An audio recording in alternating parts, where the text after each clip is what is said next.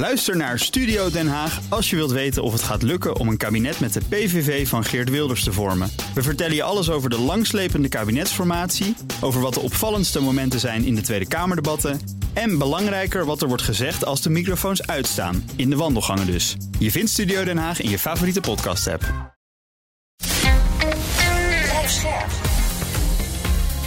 BNR Nieuwsradio. Boekenstein en de Wijk. Hugo Reitsma. Het is bijna kerstmis en dat betekent spullen kopen. Want wat is kerst zonder elkaar? En heel veel eten, cadeautjes, gadgets, prularia, kortom, spullen. Probleem? Zo'n 90% van het internationale vervoer van spullen gaat per schip. En de scheepvaart komt steeds meer in de knel door geopolitieke spanningen. De Houthis in de Rode Zee, maar lang niet daar alleen. Dus wel de schoonfamilie, maar niks de gourmetten. In de duistere kersteditie van Boekenstein en de Wijk. Op zoek naar de nieuwe wereldorde. Welkom bij Boekenstein en de Wijk met onze suggestie voor gesprekstof bij het kerstdiner. Scheepvaartroutes. Laat u van uw beste kant zien met een actuele opinie over de Golf van Aden of de Straat van Malakka. Op gezag van Annette Koster, directeur van de Nederlandse Redersvereniging KVNR. Onze gast.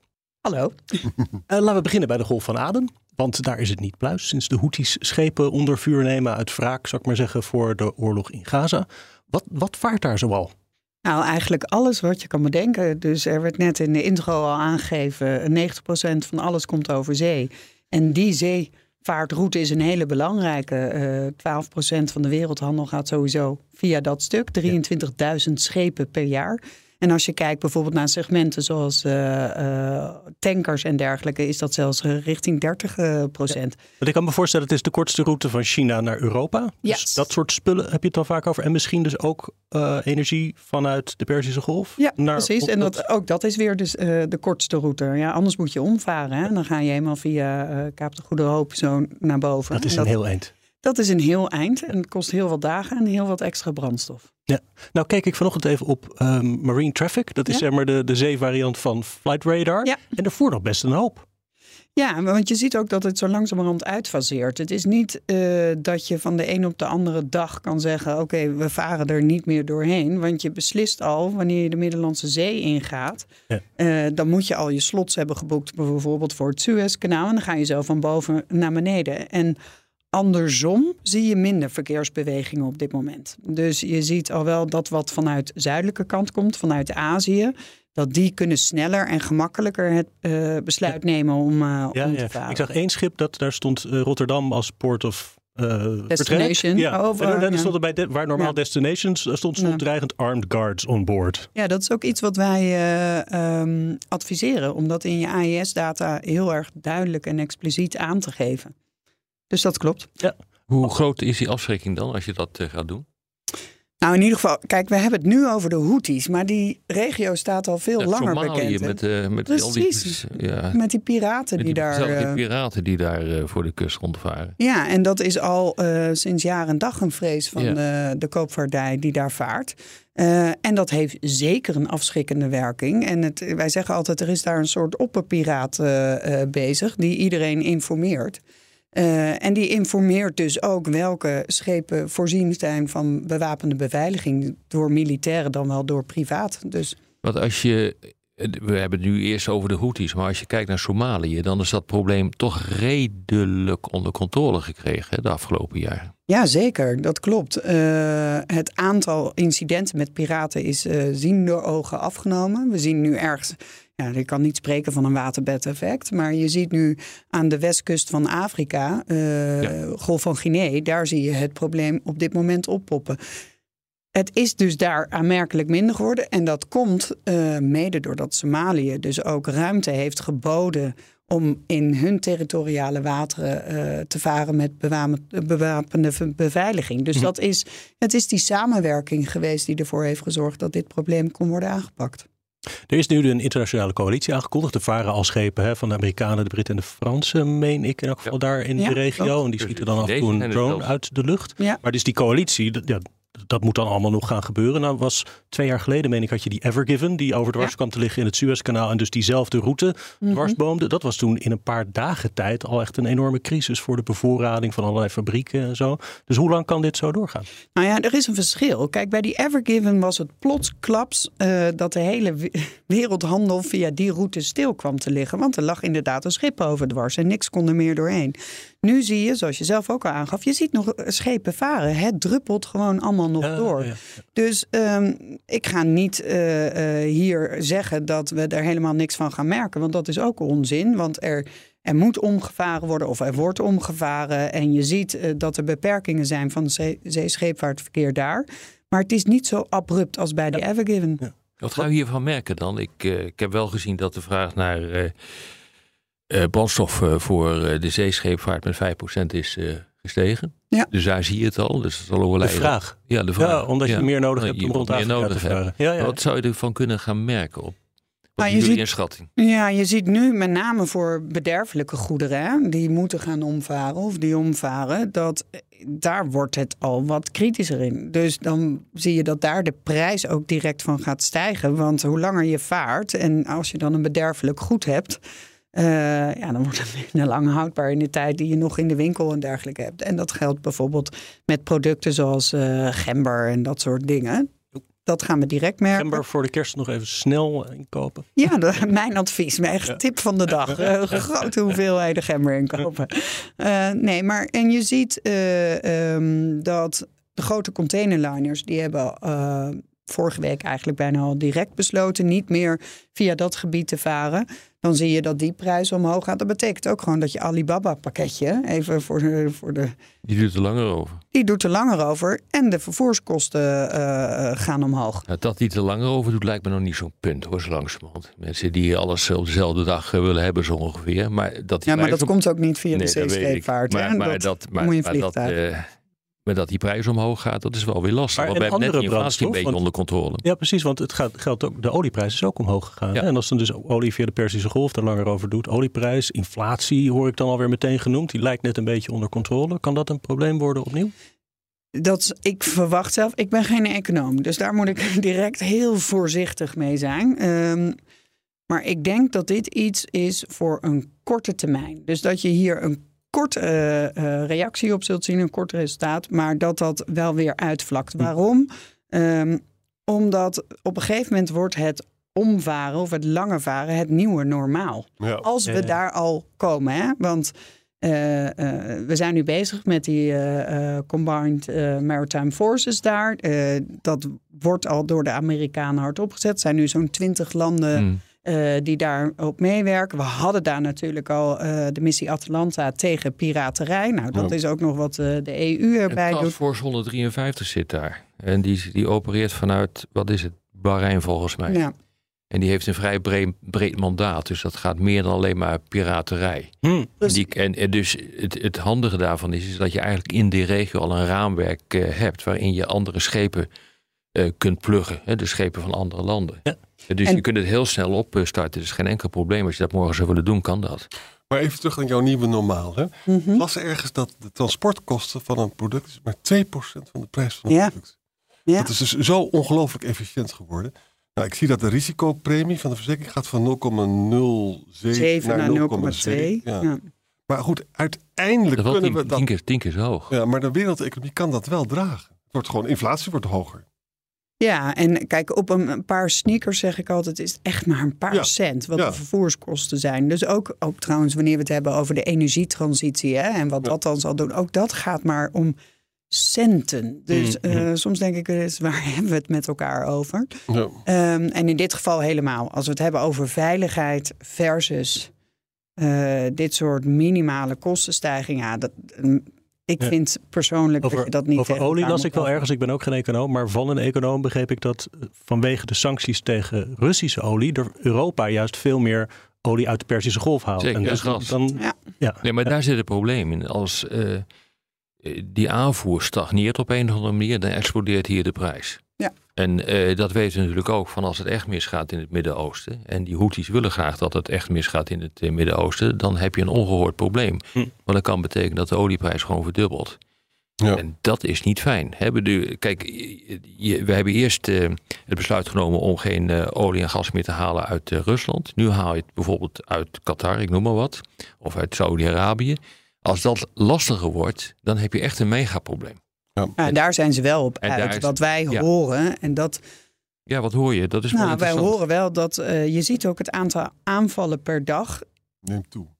neemt toe, maar is wel beperkt. Het is niet dat het een soort clusterbom bij wijze van spreken en in één keer heel veel. Hm. Ehm, eh, en dat is wat wij ook vernemen, is dat ze er juist op gericht zijn om dit op de lange termijn vol te kunnen houden. Dus elke dag een paar aanvallen om de onzekerheid groot genoeg te houden. En ervoor te zorgen dat eh, we daar niet eh, zonder zorgen zomaar doorheen eh, gaan varen. Dus echt wel een disruptie van de goederenstromen daar te bewerkstelligen voor de langere Maar, termijn. maar dan een aantal vragen. De Iraanse tankers worden niet geraakt. Hè? Heel Nee. interessant. Dus, dus ze kunnen selecteren. Saudi-Arabië doet niet mee, en Egypte ook, met die Peace Coalition. En Omdat de eh, Emiraten ook niet hoor. Nee. En de Saudis zijn aan het onderhandelen met de Jemen al jarenlang. Er is een vreselijke oorlog aan de gang. Mhm. Met andere woorden, mijn, waar ik eigenlijk naartoe wil, het wordt echt heel akelig als de Houthis met raketten ook de straat van Hormuz kunnen gaan raken. Dan wordt het echt heel dat- vervelend. Dat is Die de Persische golf. Ja, die hebben we al gehad. Hè? Ja. Kijk, iedereen kan zich wellicht ook nog de beelden van een paar jaar geleden herinneren. Ja. Dat het in de straat van Hormuz helemaal Ja. falikant misging. En daar hebben we nu ook een andere missie. En daar is zelfs eh, Nederland samen met België nu ook eh, in de lead. En je ziet dat, dat het daar ook wel heeft geholpen. In de zin, het, het is daar nu rustig. Ja. Ja, het zou kunnen als je ook op tegelijkertijd vanuit de Houthis hè, beide kanten opgaat. Ja, dan heb je een ontwrichting waar je u tegen zegt. Nou ja, Ja. dat betekent dus eh, dat Iran eh, zich daar volledig achter eh, moet scharen. Achter Ja. zo'n plan. En volgens mij doen ze dat al. Maar volgens mij is het ook zo op dit ogenblik dat ze het wel best vinden als er beperkte aanvallen zijn. Waardoor je toch een ontwrichting krijgt op de langere termijn. Ja. Eh, maar Iran weet ook dat als je dit, eh, dit te veel opstookt, dat je dan een regionale oorlog eh, krijgt en dat er dan wat zwaait. En dat Dit- willen ze niet. ja, dat willen ze niet. En het is niet voor niks dat eh, Amerika in de regio, in dit geval dan aan de andere kant van het Suezkanaal, eh, dus in eh, het oostelijk deel van de Middellandse Zee, eh, carrier battle groups heeft eh, gestationeerd. Dus, eh, ehm, eh, hoe noemen we dat? Vliegkampschepen en een nucleaire onderzeeër. In, ehm, ja, die vaart volgens mij rond in de buurt van de Persische Golf. Ja. Maar dat is geheim waar dat ding precies zit. Dus dat weet ik ook niet eh 100% zeker. Hè, dus eh, nee, het spel eh, dat gespeeld wordt is, eh, is veel ingewikkelder dan alleen maar een stel van die idiote Houthis die daar zitten te schieten. Overigens ook op, op Israël. Dat lukt ook allemaal niet zo goed. Ik, ik vind ook dat er behoorlijk wat uit de lucht wordt geschoten door fregatten van de Ja. Amerikanen. Het gaat wel hard hoor. Eh, maar goed, ik bedoel, eh, hoe zit het gaat ontwikkelen? Het is toch wel linkersoep, vind ik. Ja. Wat, wat doet zo'n zo'n Houthi-drone eigenlijk tegen een Suez-klasse bulk carrier? Want dat zijn behoorlijk grote dingen. Wat dat, Ja. Nou, niet zoveel. Nee. Niet zoveel. Alleen En je ziet nu ook wat er vorige week eh, is gebeurd. Een aanval op een schip van Hapag-Lloyd, een containerschip. Ja. En daar is een brandje ontstaan en één container afgevallen. Dus in, ja, de gevolgen zijn beperkt. Je ziet ook dat er eh, flink wat neermisses zijn. Hè? Dus dat het eh, eh, ja, op zee is twee mijl niet eh, een enorme afstand. Ehm, dus of ze heel gericht, echt gericht te werk kunnen gaan. Ja, daar, Nou, dat kan dat bijna durf ik niet. geen Dus technisch is het gewoon heel lastig om dat eh, voor elkaar. Alles Ja. wat beweegt, bewegende doelen zijn überhaupt lastig om uit Ja. te schakelen. En schepen hebben wat dat betreft de onhebbelijkheid dat ze varen. Ja. Dat is Dus, eh, ik- ik hoor enige relativering in Ja. deze uitzending. Gebeurt niet heel vaak bij Ja. Rob en Arjan. Kijk. Maar Dat is, dat is een goed teken. Ik wil zo nog een paar zeestraten langs gaan, maar ik moet eerst eventjes het. BNR Nieuwsradio. Boekenstein en de Wijk. Op zoek naar de nieuwe wereldorde. Dit is Boekenstein en de Wijk. En dat programma is natuurlijk niet zonder Arjan Boekenstein en Rob de Wijk. Mijn naam is Hugo Reitsma en we praten over de internationale scheepvaart in tijden van geopolitieke spanning. Met Annette Koster van de Koninklijke Rederijvereniging. En dus, eh, ja, zo nog wat zeeengtes. Maar misschien eerst even het grotere plaatje. Want je hebt natuurlijk allemaal geopolitieke spanningen. Deglobalisering, blokvorming. Eigenlijk het hele repertoire aan Boekenstein en de Wijk ellende. Dat eigenlijk allemaal problematisch is voor de internationale handel. Waarvan het grootste deel is de scheepvaart. Wat merken jullie leden daar allemaal dan nog meer van naast die Houthis? Nou ja, we hebben andere geopolitieke spanningen zojuist al even benoemd. Hè, zoals in, uh, in, uh, in de straat van Hormuz, waar we mee te maken hebben. Tegelijkertijd, nu is een soort perfect storm, zei ik ook al. We hebben het Panama-kanaal met een echt historisch laag waterpeil. Ja, want dat moet uit een meer komen. Ja, precies. En dat moet voor eigenlijk. sluizen. Precies. Ja. En moet eigenlijk afhankelijk van regenwater. Ja. En dat uh, regenwater wordt niet alleen gebruikt voor de sluizen van het Panama-kanaal, maar is ook toevallig de watervoorraad voor de Panamezen. Ah, ja, En dat concurreert nu met elkaar. En dan zie je dat uh, okay. de kanaalautoriteiten die hebben het aantal slots, noem ik het maar even. Mm echt enorm fors teruggebracht. We zaten normaal 37, 38 slots per dag. En uh, kwamen op een gegeven moment berichten binnen dat per 1 februari dat niet verder zou zijn dan 18 slots. Um, je ziet, afgelopen week kregen we wel weer berichten door dat er weer een aantal meer. Dus we zitten nu op 25, 26 per En dan dag. is voor de rest is het ook omvaren, maar dan via die andere kant. En dat zou dan gaan via, ja ja, het alternatief, het Suezkanaal en de Rode Zee. Ja. Dus dat is waarom ik het, nou ja, een beetje cynisch de perfect storm noem. Ja. Want uh, het alternatief is dus ook niet meer beschikbaar. Um, en dan hebben we het continu gelaten in de Zuid-Chinese Zee. Nou, ook daar. Uh, en dat volgen wij natuurlijk ook uh, uh, ja, op de voet, zou ik bijna Heb je willen de straat zeggen. van Malakka, wat, wat altijd de, ja, maar de dat bottleneck is, hè? Ja, Tussen China Singapore is, dat, dat is en... een grote vrees voor China. En Ja. ja. Hè, die, die kunnen wij, het Afsluiten. Westen, zouden wij dat in principe kunnen afsluiten. Dan moet die lui weer uh, omvaren vanuit uh, China. Nee, het is een grote vraag. Dat is een grote Ik vrees. denk dat Annette China. daar geen voorstander van zou zijn. Dat, dat Nee. dat ook nog wordt afgesloten. Nee, sorry. Kijk, eh, Mare Liberum. Volgens mij eh, wordt hij hier ook wel vaker genoemd. Onze eigen eh, Hugo de Groot. De Nederlandse uitvinding. Precies. En dat is het enige waar wij eigenlijk als redersvereniging voor staan. Samen met onze Europese en internationale collega's. Is daar continu de wereldpolitiek op wijzen van ja jongens. eh, vecht elkaar bij wijze van spreken de tent uit. Maar zorg Maar ervoor Niet op dat zee. Precies, Ja. eh, want daar, daar zitten ook, eh, eh, we hebben het elke keer over de economische gevolgen. En heel erg terecht natuurlijk. Maar het Maar er leuke is zit- zitten Annette, dat bemanningen dit nou aan. juist precies eh, het punt is. Wat je dus wel moet doen als je geopolitiek met elkaar op de vuist gaat. Dat heet flow security. Dus alles wat zich verplaatst, dat kan je aanvallen. Of dat nou eh, de, digitale wereld is, of dat het de handelstromen over land zijn, over zee eh, eh, is, financiële stromen. Als je een land kapot wil maken, moet je stromen afkappen. Huh. En, het, en nou ja, ik bedoel, als 90% van de wereldhandel over zee gaat, dan is dat natuurlijk een buitengewoon lucratief doelwit Hmm. om geopolitieke punten te maken. En, en alles hangt met alles samen. Als het Panama-kanaal dus nog moeilijk blijft, hè? Rode Zee blijft moeilijk. Wij geloven niet in een invasie van Taiwan. We geloven wel in een blokkade van China. En in, dit, in deze setting wordt die blokkade wel heel erg impactvol. Hè? Ja, helemaal met je eens. Ja, het is een soort catch-22 waar wij ook als, als reders in zitten. Hè? Dus enerzijds willen we er continu op wijzen hoe belangrijk die zeescheepvaart is. Hè? Die 90 procent, zoals meneer De Wijk ook al noemt.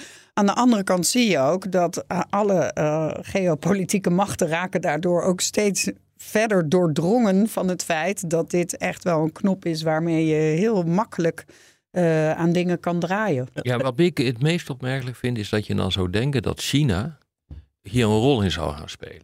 Want als op een of andere manier eh, de, eh, de routes van en naar China worden afgesloten, en dat kan in principe als je door de straat van Malakka moet, Mhm. en dat is ook de grote vrees van eh, China, dan is er dus wel een enorme reden en een belang eh, voor China om te kijken of je die, die routes open kan houden. Waarom doet China dan niks met betrekking tot dat Houthi-probleem op dit ogenblik? Dat, is, dat vind ik een hele merkwaardige. Ja, ik kan het allemaal wel verklaren, want eh, China heeft natuurlijk eh, de, de kant gekozen van Iran. En Iran steunt de Houthis. Daarmee steunt China dus indirect ook deze aanvallen van de Houthis op, op die schepen. En Maar ze hebben alle belang bij Mare Liberum. Ja. Bij de Nederlandse uitvinding van het vrije gebruik eh, van de zee. Dus ik vind het heel merkwaardig dat een land vindt dat ze op dit ogenblik bezig zijn met eh, zich te ontwikkelen tot een supermacht. Dat die totaal geen enkele verantwoordelijkheid hiervoor neemt. Dat is echt heel haakbaar. Je hoeft natuurlijk nog geen oorlog te hebben om de internationale handel dwars te zitten. Want je hebt natuurlijk ook nog steeds eh, tarieven, sancties, de vrijhandelsakkoorden die niet worden gesloten. Eh, Daar is trouwens een interessant debat over onder economen. Dat, eh, die hebben het dan over deglobalisering. Mhm. Maar sommigen zeggen ook van ja, maar in de praktijk zie je dat helemaal niet. Je ziet dat de Chinese export naar Amerika is ingestort, maar die naar Vietnam is geëxplodeerd. En die van Vietnam naar Mexico ook. En die van Mexico naar de VS. Zien jullie leden minder handel of een verschuiving door die blokvorming? Verschuiving, precies Ja. wat je zegt. Helemaal dat. Ja, nee. Dat, eh, en natuurlijk ook eh, bij de inval van, eh, van Rusland in Oekraïne. Dat raakte ons direct in de zin van wij varen met heel veel Russen en met heel veel Oekraïners. Oh, ja. Eh, dat merkten we direct. En daar zag je natuurlijk ook eh, direct eh, het opschorten van alle handelsverdragen. Dat had ook impact. Ehm, maar ook weer korte termijn. Want je ziet het inderdaad gewoon verplaatsen. Want uiteindelijk, eh, we hebben toch ook die hele discussie gehad over het gas. Uiteindelijk hebben we toch gas nodig. Ja, en dan komt het via andere kanten. En dat moet ook vervoerd worden. Ja, en daar zijn we dan weer als reders. Ja. Gelukkig, zou ik zeggen. Ja, het is lastig om de handel dwars te zitten, want die vindt altijd weer een weg. Daar is de handel nou juist goed in, toch? Nou ja, ik stag, hij Gelukkig stag- maar. Hij, stag- hij stagneert. Maar al die dingen die jij noemde, van die sancties, dat hoort allemaal bij. Dat, is allemaal, eh, dat zijn allemaal zijdes van dezelfde medaille. Ja. Want een, een sanctie is ook bedoeld om die flows, die, dat vervoer van goederen op te houden. Eh, en er zijn verschillende manieren voor. Je kan dat doen door middel van sancties, kan je goederenvervoer eh, stopzetten. Maar je kan ook eh, dat proberen door, door de inzet van militaire macht. Alles is mogelijk. Dus het gaat echt om het verplaatsen van spullen of bits en bytes in de digitale wereld van links naar rechts over de wereld. En daar zit echt het geweldige probleem. Dat realiseren veel mensen zich niet. Want iedereen denkt van, nou, nou dat gaat natuurlijk over eh, landje pikken en eh, invallen. Dat is helemaal niet waar. Het, het grote probleem op dit ogenblik is echt, hoe ga je die stromen onderbreken?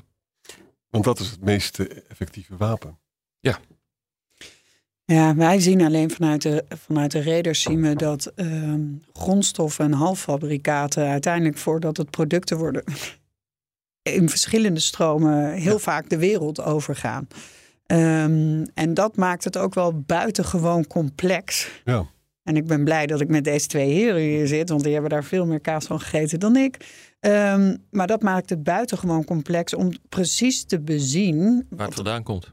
Precies, maar ook wat de consequenties soms van. Vaak eh, weet je niet eens, eh, er, zit- er zitten eh, kritische materialen in halffabrikaten waarvan je geen idee hebt waar het vandaan komt. Ja. En, en ja, daar zit echt een geweldig, geweldig probleem in. Je kan niet alles maar blokkeren. Maar dat maakt denk ik ook, maar dit is eh, geheel uit de heup geschoten. Dat maakt misschien ook wel een verklaring voor uw opmerking waarom China niet Oh, zich eh, hiermee eh, bemoeit. Zeker, dat Ja. denk ik. Nou, Die ja, wil even de druk verhogen.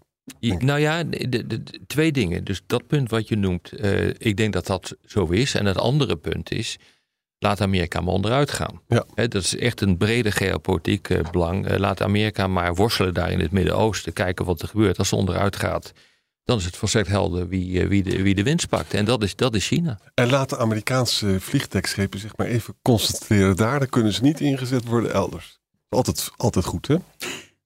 Duidelijk wel lijkt me dat het belang zo groot is dat Nederland misschien meer mag doen dan het leveren van wat twee stafofficieren aan een of ander kantoor. Toch? Nou, wij zijn blij dat in ieder geval. Dit wordt een diplomatiek antwoord. hoor het hè? al, ja. Nee, wij zijn, nee, wij zijn heel erg blij dat in ieder geval Nederland heeft gezegd. Wij zien dat die situatie daar ernstig is. En dat ook Nederland daarin eh, haar verantwoordelijkheid neemt. Eh kwam net al te sprake. Het zijn nu twintig landen. Dat zijn, is nog steeds maar een beperkt aantal. Als je kijkt wat er allemaal is. Dus hartstikke mooi dat Nederland dat doet. Ehm, dan wordt ook direct aan mij gevraagd: "Oh, eh, had je niet gewild dat ze een fregat of iets dergelijks hadden Hm. gestuurd? Nou, we moeten realistisch zijn. Hè? Zoveel, zoveel materieel hebben we in Nederland eh, op dit moment niet meer. Eh, daar is hier in eh, deze samenstelling ook al eh, Mhm. eerder over Mhm. gesproken. Maar wat ook belangrijk is, eh, Nederland staat ook wel eh, bekend om haar intelligence. Dus het kan zijn dat die twee stafofficieren, hoe beperkt in aantal, maar Heel ook belangrijk daar heel belangrijk zijn. Dus ik wil daar niet te cynisch. Ja, Nederland is ook natuurlijk aan de andere overdoen. kant eh, behoorlijk eh, actief en geweest in de Persische Golf. Nou ja, precies, dat ook. Ik bedoel, Ja. het ook eh, de jaren geleden is men begonnen met EMASO. Dat is een operatie toen Nederland heeft uitgevoerd met de Fransen. En eh, nou ja, of dat nou succesvol is geweest of niet, dat maakt nu even niet uit. In ieder geval zien we dat eh, er toch een zekere rust is weergekeerd in dat. Nou, in het die heeft in ieder geval succesvol. stabiliserend Ja. eh, gewerkt. Dus vooralsnog geen paniek, behalve omtrent de gember mogelijk. op de radio ronden we af, maar in de podcast gaan we langer door met luisteraarsvragen. Luistert u op de radio, dan verwijs ik naar boekenstein en dewijk.nl of uw favoriete podcast app. En Handige Harry, veelvuldig vraagsteller bij ons, Handige vraagt... Als Europese mijnenjagers de kust van Odessa ontmijnen... lijkt het me een doelwit voor Rusland. Maar als dat schip terugtrekt naar Roemenië... en daarvoor de kust geraakt wordt... treedt dan NAVO-artikel 5 in werking? Het is een echte Rob-vraag. Eh, nee, dat hangt er vanaf of eh, zo'n eh, zo'n schip, eh, inclusief Roemenië, wordt, eh, wordt aangevallen.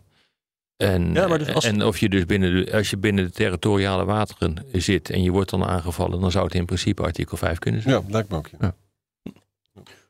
Ik heb er even geen mening Nee, Nee, hoeft dat ook zou ik niet, vooral niet doen. Ja. Gewoon een technische vraag is dit. Jan-Paul Hof heeft een vraag over zijn persoonlijke financiën. Die zegt, toen de Ik ga niet nog een keer Gaza-oorlog... lenen. Ik ga niet nog een keer lenen.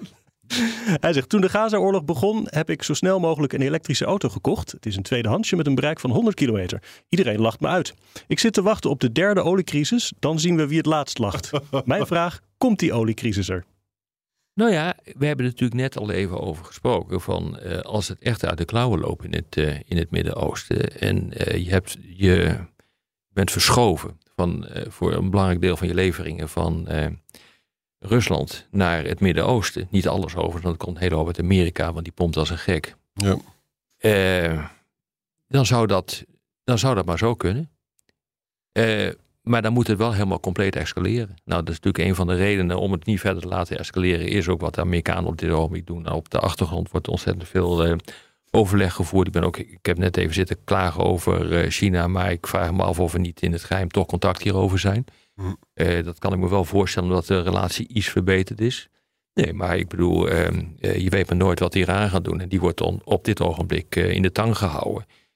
En dat land heeft er volgens mij wel belang bij dat het boel helemaal e- explodeert in het Midden-Oosten. En als je nou het Westen een kopje kleiner wil maken, is dit wel de manier van doen.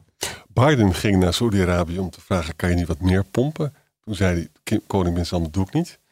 Poetin is net geweest bij Saudi-Arabië, weet je nog? Hm. Een paar weken geleden. Ja. En die heeft gezegd: van, Nou, ik ga zelf eh, eh, ga ik minder exporteren. Zou je niet mee willen doen? En het antwoord weet ik dus niet. Ik weet niet wat Saudi-Arabië nu doet. Maar de olieprijs is niet zo verschrikkelijk hoog. Nee. Dus waarschijnlijk eh, gaat- doet King Tot nu toe valt het eh, ja, nog mee. wel mee. MBS speelt niet mee. Maar dus tegen voor Dat Jan Paul met zijn kleine elektrische autootje. Bas van der Laan vraagt, kunnen die schepen niet worden uitgerust met luchtafweergeschut? Dat het gebeurt. Nee, dat, dat mag niet. Het is gewoon de zwaardmacht ligt bij de overheid. Ja, dat mag Eh, ja. We hebben dat eh, Ja. mogen meemaken toen wij graag eh, private beveiliging wilden aan boord van Ja, onze schepen tegen die piraten. Ja. Dat heeft ons eh, sinds het wetsvoorstel van Han ten Broeke Ja. in 2016 tot 2022 zes jaar geduurd. Ja. Het wetgevingsproces. We waren toen al 10, 15 jaar bezig om daarvoor te lobbyen. Dus dit is heel erg, ligt heel erg gevoelig. Ja. Maar los even van die hele zwaardmachtdiscussie. ehm, het zijn koopvaardijschepen. Het zijn geen oorlogsschepen. En je moet je dus ook afvragen wie wat moet doen. En daarvan zeg ik gewoon, die, die, die, die bemanningsleden zijn daar ook niet toe opgeleid. En Nee, dan zou je er ook een militair moeten opzetten. Ja, dat en- dan wordt het weer een target op een andere manier. Tuurlijk. Nee, Nee, maar in theorie zou het kunnen, eh, Hugo. In theorie zou je dat natuurlijk kunnen doen. Maar als je het nou hebt over prijsopdrijving, dan eh, ken ik er nog wel één hoor. Want die dingen die zijn niet goedkoop. Oh, ja, ja. Ja, nee, dat is natuurlijk gewoon zo. Maar in theorie zou je natuurlijk alles kunnen doen. Maar, maar in de praktijk en juridisch mag dat niet. Ik weet nog goed, die discussie begon toen ik nog Kamerlid was. Ja. Het heeft dus inderdaad, was in 2010 speelde die discussie al. En pas in 2016 kwam de hand- en broeken oplossing. Hè? Ja, en, en die duurde tot 2022 voordat we er Ja. daadwerkelijk mee konden varen. Mijn hemel. Melvin Bekkers heeft zo'n vraag waarvan ik denk, ja, moet ik dat jullie aandoen?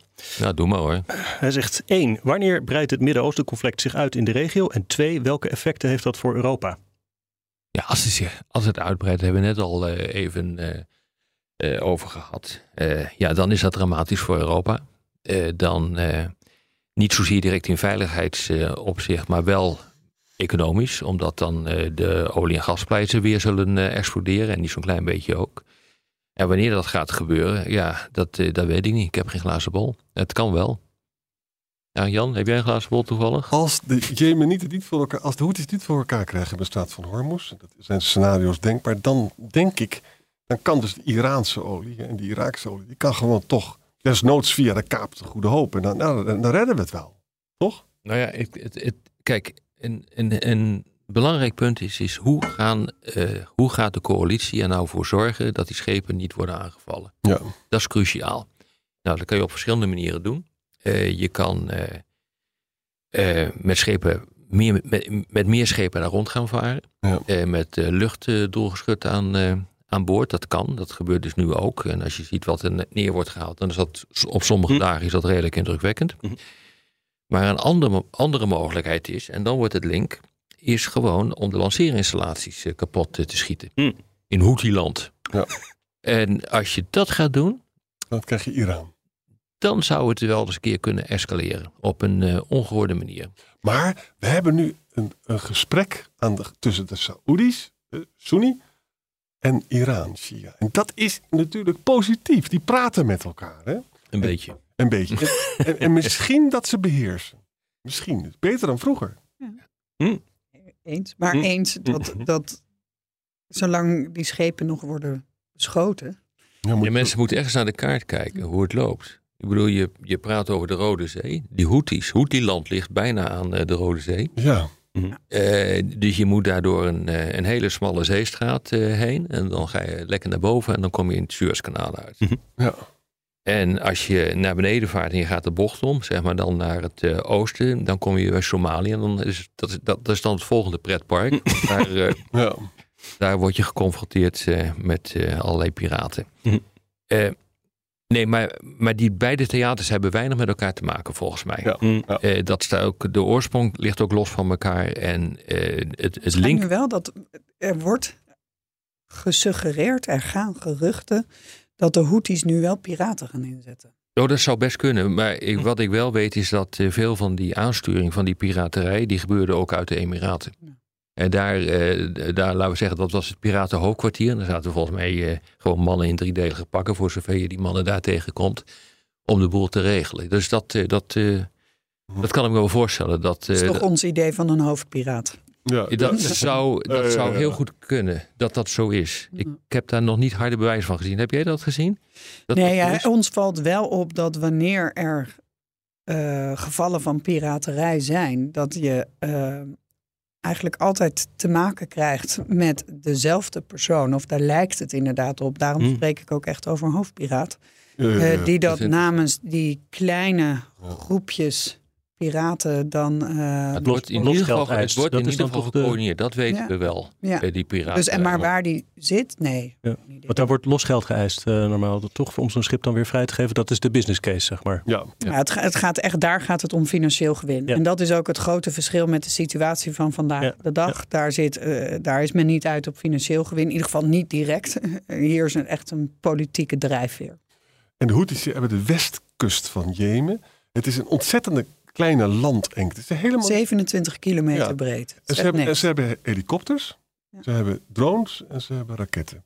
Nou, zie je die helikopters minder. Hè? Iedereen herinnert zich dat beeld van eh, de aanval eh, op, dat, eh, op die car carrier. Dat die ze daar op Galaxy landen. Ja. Leader. Ja. Ja, uitermate professioneel. Deed ons trouwens direct ook denken aan de straat van Hormuz. Ja. Hoe, je, hoe men daar eh, opereerde. Hm. Eh, dus die link was ook voor ons als leken Ja. snel gelegd. Ja. Dat we dachten, hé. Hey. En het feit dat het gefilmd werd. En op die manier... eh, Goed gefilmd ook, vond ik. Ja. Het was mega professioneel allemaal. Eh, ik vind Maar- het toch, eh, ik, ik denk dat het zo is, wat je zegt. Maar toch is het merkwaardig, omdat het twee gescheiden theaters zijn met gescheiden, eh, eh, met gescheiden drijfveren, om het maar zo te zeggen. Dus ik kan me voorstellen eh, dat dat zo is. Maar dan is de grote vraag, wat wil dan de hoofdpiraat? Ja. Wat, wat doet hij dan? Ehm, en door wie, die- door wie wordt hij betaald? Want Oh, het- ja, even het- weer terug naar de bootjes die er. Ja, Ja. Ik zat vanuit Iran. Dat is. Nou ja, nee, maar kijk, kijk er moet een verdienmodel achter zitten. Bij piraten zit er duidelijk een verdienmodel achter. Dat weet iedereen. Dat is al zo Ja. oud als de wereld. Ehm, maar hier zit geen verdienmodel eh, achter. Nee. Of je moet de opdracht krijgen, in dit geval van Iran, om de boel te coördineren. Dat zou mij, dat zou kunnen. Maar eh, ik heb niet gezien dat dat gebeurt, maar het, het zou mij ook niet verbazen. Maar dat is hoog speculatief wat ik nu zeg. Je hebt bij de straat van Hormuz heb je dus eh, heel veel Iraanse smokkelaars. Dat zijn dus ook Shiiten. Hè? Mhm. Ik ben, er, ben er geweest, ik vond het prachtig daar. En, en, het, en een stukje van Hormuz is in handen van Oman. Daardoor kon ik ook makkelijker naartoe reizen. Hm. En, en Oman is natuurlijk Soenitisch. Hè? Nou, het kan zijn dat inderdaad de link tussen Iran, Shiite Iraanse smokkelaars, allemaal sigaretten, ellende, weet je wel, dat die nu ook hun kennis inzetten met de Houthis. Dat zou kunnen. Alleen wat ik ook weer lees, is dat Iran heeft, heeft de Houthis niet echt in hun greep. Die Ja, hebben maar ook dat een, geldt voor alle proxies. dat geldt voor alle proxies. Dat, dat geldt ook voor eh, Ja. Hamas. Dat is ook een eh, formeel een proxy van, eh, van Ja. Iran. Maar ze Ja. leveren wel, horen wij aan. Ja, ze leveren wel, en maar als ze je hebben... kijkt welke apparatuur er wordt gebruikt, Klopt. dan is het in ieder geval met een Iraans instructieboekje. Ja, ze hebben een, grote, ze hebben een grote belang en dat is eh, regionale ontregeling. Ja. Dus dan wil je wel, dan maakt het niet uit alsof je die, eh, die proxies aan je hand hebt. eh, maar dan gaat het erom, heb je dezelfde doelstellingen? Ja. En dan de doelstellingen verenigen dan. En dat is denk ik dan de reden waarom het eh, zo geregeld wordt. En de Houthis willen het totaal ontregelen natuurlijk. En. Iran wil nog een beetje matig. Hmm. Nou nee, die willen het niet, die willen ontregelen, maar die willen niet dat het escaleert naar een loka- eh, regionale oorlog. Exact. Ja. Right. Ja. Oké.